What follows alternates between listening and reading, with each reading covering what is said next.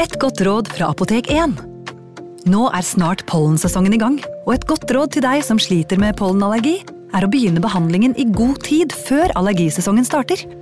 Da får du nemlig enda bedre effekt av legemidlene, og så blir ikke våren din helt ødelagt. Kom innom og få råd på ditt nærmeste Apotek 1, eller chat med oss på apotek1.no. Apotek 1 vår kunnskap, din trygghet.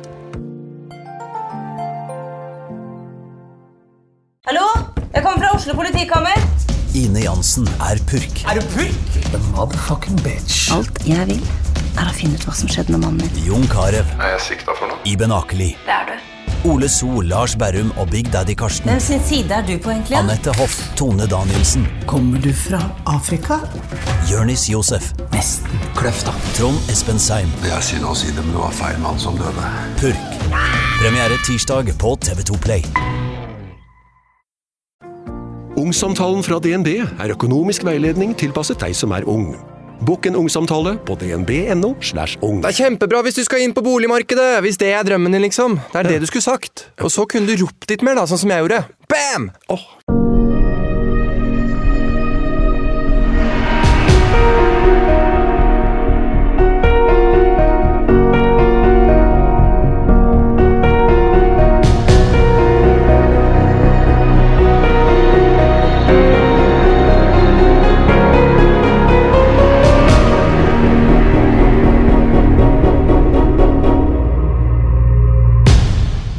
Velkommen til Skrekkpodden.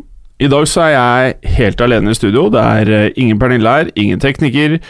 Og grunnen til det er fordi Pernille er syk, og det er også grunnen til at denne episoden kommer litt sent. Vi håpet at kanskje Pernille kunne bli frisk til i dag. Hun føler seg ikke vel, så da tenkte jeg at vi må jo fortsatt levere, så jeg kommer til å ta en urban legend i dag. Det er fortellingen om Carmen Winstead. Før det tenkte jeg bare skulle nevne at uh, Pernille hadde med True Crime-podden et uh, vellykket show i Kristiansand i helgen. Jeg fikk derfor beskjed om å takke alle som var til stede, og det er jo en del av de som hører på True Crime-podden, hører jo også på Skrekkpodden, så takk til dere som var der, og takk til alle som sendte fantastiske tilbakemeldinger til eh, True Crime-podden og til eh, Pernille. Det setter hun utrolig pris på. Og ønsker også bare å benytte anledningen til å takke alle dere som sender oss inn uke etter uke fantastiske eh, lytterhistorier på eh, mailen vår. Vi eh, kommer eh, i løpet av mai til å ta en ny runde hvor vi går gjennom det som har kommet inn av lytterhistorier. Ta en liten vurdering, og eh, kanskje da velge ut noe eh, som vi kommer til å samle i to-tre episoder, helst før sommeren, hvis ikke etter. Utover det så har jo jeg også vært ute med et uh, nytt prosjekt, og det var uh, med en ny podkast som heter Historiepodden, som kom uh, forrige uke. Der er det jeg og en som heter Morten som prater om hva vi finner interessant opp gjennom historien, og gjerne ting som ikke står i alle klasseromsbøker, eller som alle historiske dokumentarer tar for seg, og aller helst noe som er spennende og som vi selv synes er gøy. Og til slutt Takk til alle som eh, kommer med fantastiske meldinger på Instagrammen vår på Skrekkpodden. Eh, det er utrolig hyggelig å høre at folk setter pris på oss, og folk som rater oss på iTunes. Det setter vi alltid pris på, så fortsett gjerne med det. Her er urban legend-historien som jeg skal eh, ta for meg i dag. Det er som sagt om Carmen Winstead. Eh, hun er en 17 år gammel jente, og den går noe sånn som dette. Carmen Winstead var 17 år gammel da foreldrene hennes bestemte seg for å flytte til Indiana i USA. Faren hennes hadde akkurat mistet jobben, og den eneste måten å få en ny jobb på, var å rett og slett flytte til en ny stat. Det å flytte bydde på mange problemer for Carmen. Hun måtte nemlig forlate vennene sine og begynne på en helt ny skole. Carmen hadde alltid hatt det vanskelig å få seg venner. Spesielt når hun skulle inn i nye sosiale omgivelser. Og nå var det jo midt i skolesemesteret, og hun følte at ingen av de andre i klassen hadde noe som helst behov for å bli kjent med henne, for hun var jo den nye jenta i klassen. Til å begynne med var hun for det meste helt alene på den nye skolen. Hun gikk mellom klasserommene helt alene, hun hilste ikke på noen, hun så ikke på noen. Men etter hvert så endte hun faktisk opp da med å henge med fem andre jenter. Og hun følte at alt løsnet for henne, hun hadde endelig fått seg venner, og hun følte seg akseptert.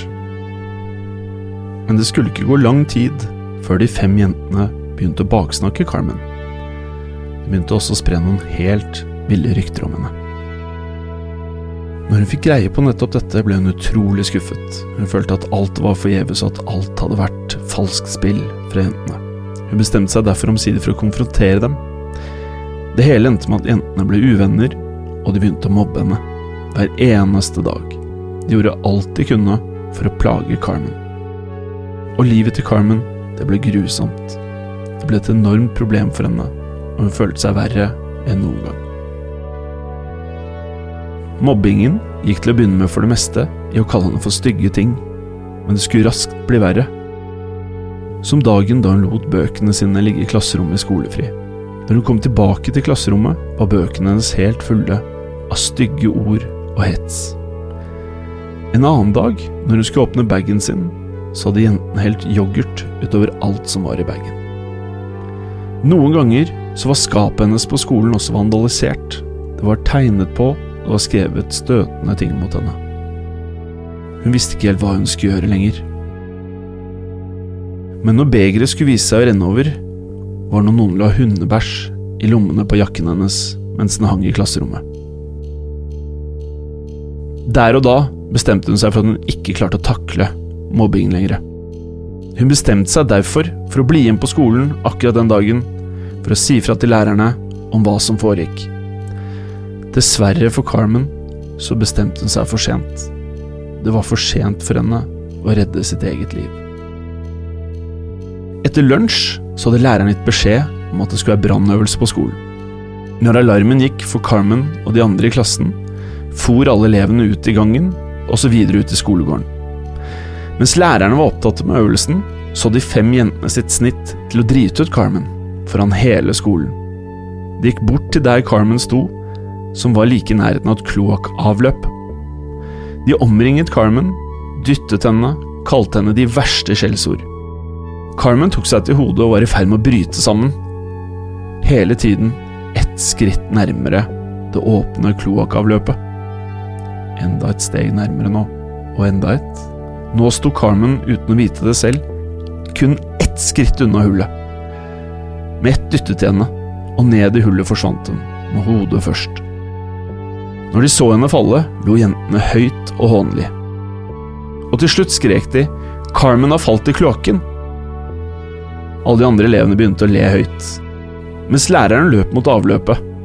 Når lærerne så kroppen til Carmen, som lå livløs i bunnen av dype hullet, fullt av kloakk, stoppet med ett all latteren. Hodet hennes var vridd rundt i en forferdelig vinkel. Ansiktet hennes var fylt med blod, så det ut som, og ekskrementer. Men det verste var at hun ikke beveget seg. Det var ingenting lærerne kunne gjøre for henne. Carmen føltes å være død.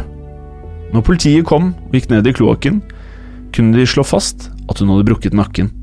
Ansiktet hennes var revet helt vekk, for hun hadde truffet en metallstige på vei ned i hullet. Nakken hadde visst knekt tvert når kroppen hennes hadde landet på betongen nederst i hullet. Politiet fikk løftet kroppen til Carmen opp av hullet, og hun ble sendt umiddelbart til likehuset. Alle måtte bli igjen på skolen, mens politiet stilte elevene spørsmål om det som akkurat hadde skjedd. De fem jentene løy til politiet. De sa ikke noe om det som hadde skjedd, de hadde ikke sagt at de hadde dyttet Carmen. Og så sa de at hun hadde falt i hullet. Politiet og alle de involverte trodde på forklaringen til jentene, og Carmens død ble nå sett på som en ulykke. Saken ble etter hvert avsluttet, og de fem jentene trodde dette var det siste de ville høre til Carmen. Men de tok feil. De tok skrekkelig feil. For flere måneder senere skulle medelevene til Carmen få tilsendt merkelige e-poster. Og en del Facebook-meldinger. Det sto alltid det samme. De dyttet henne. Men det sto også at Carmen ikke hadde falt men at hun var blitt dyttet. E-posten ønsket også at de skyldige skulle ta ansvar og innrømme sine handlinger. Hvis de ikke gjorde det, ville det få fatale følger. De fleste så på e-postene som en dårlig spøk, mens noen ble usikre. Kunne det ha vært noe annet enn en ulykke? Noen dager senere så skulle en av de fem jentene ta seg en dusj hjemme. Så hørte hun en merkelig latter. Det hørtes nesten ut som det kom fra avløpet. Jenten fikk helt panikk og løp ut av badet. Senere på kvelden sa hun god natt til moren sin og gikk til sengs. Fem timer senere ble moren vekket av et utrolig brak som gikk gjennom hele huset. Hun løp til datteren sin for å se til henne, men sengen var tom. Soverommet var tomt, og det var ingen spor til datteren i huset. Bekymret ringte hun til politiet, og etter en leteaksjon hadde de funnet jenten. Eller det som var igjen av henne. For hun lå nemlig i avløpet. Kroppen hennes lå i kloakken, blant ekskrementer, og ansiktet hennes så ut til å være fullt av blod, helt til politiet kom litt nærmere. Da kunne de se at ansiktet, det var revet helt vekk. Og det var i akkurat det samme hullet som Carmen hadde falt ned i. Over de neste månedene skulle de siste fire jentene lide samme skjebnen, én etter én. Helt til de fem jentene alle var døde. På samme måten og akkurat samme sted som Carmen. Ulykkene så etter dette ut til å ta slutt, men etter noen måneder begynte flere av Carmen sine medlever å dø. Alle på samme måte og samme sted. Alle med brukket nakke og med ansiktet revet helt vekk. Alle som ble funnet, var elever som hadde trodd på at Carmen sin død var en ulykke. Det sies i dag at Carmen sitt gjenferd går igjen, og at hun gradvis blir mer og mer aktiv for hvert eneste år. Men nå er det ikke lenger kun medelevene som blir funnet døde. Det er alle som ikke tror på at Carmen ble dyttet. Hun finner det, enten det er gjennom toalettet, i dusjen eller i vasken. Når du legger deg for å sove, om du ikke viser Carmen at du tror, så bør du frykte at du kanskje våkner opp i et mørkt avløp dypt nede i bakken, med ekskrementer rundt deg, paralysert, du kan ikke bevege deg, og du hører kaklende latter rundt deg, som det Carmen opplevde. For så å se skikkelsen komme mot deg, den ansiktsløse jentekroppen. For det er Carmen, og hun vil rive av det ansiktet. Så vær forsiktig med hvem du er slem med, og hva du tror om fortellingen. For det kan være deg som kommer til å lide The Curse of Carmen Winstead. Det var storyen jeg hadde. Um, vi kommer jo Vi kommer til å legge ut et bilde på Instagram. Her kan man jo vise at man er troende til at ulykken faktisk ikke var det som tok livet av Carmen men at hun faktisk ble dyttet. Neste uke så får dere podkast på tirsdag. Eh, det virker som at noen tenker at den podkasten skal slippes til et eh, gitt klokkeslett. Det var noe vi gjorde første uken, og ikke noe som er gjeldende, annet enn at Skrekkpodden skal komme hver eneste tirsdag.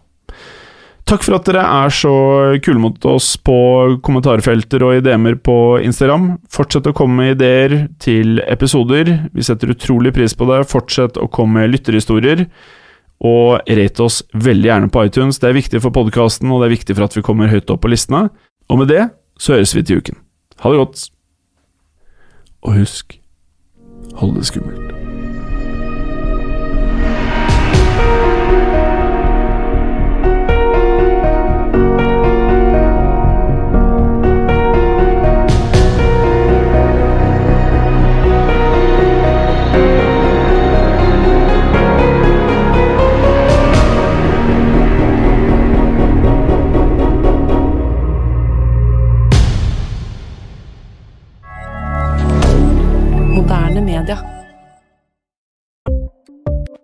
Ukens annonsør er Folio, en smartere banktjeneste for deg som har en egen bedrift eller ønsker å starte for deg selv. Folio er en superenkel nettbank for bedrifter.